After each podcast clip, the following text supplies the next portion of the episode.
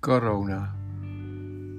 We zijn al een, bijna een jaar verder en nog steeds beheerst corona ons dagelijks leven. Heel veel deuren zijn dicht.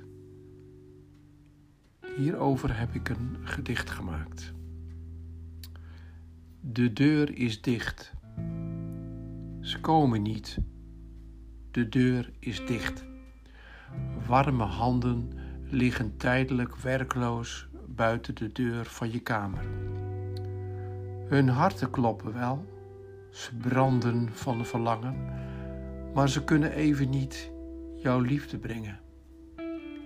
Je zit in de kamer. De kamer is leeg. Je denkt aan vroeger en pijnst over het erge niet weten.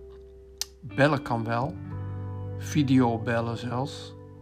De iPad kan, maar het erge niet weten knaagt. Je weet het wel, ze komen wel weer, maar wanneer? Je kijkt naar de deur. De deur is nog steeds dicht. Aard van de Klauw.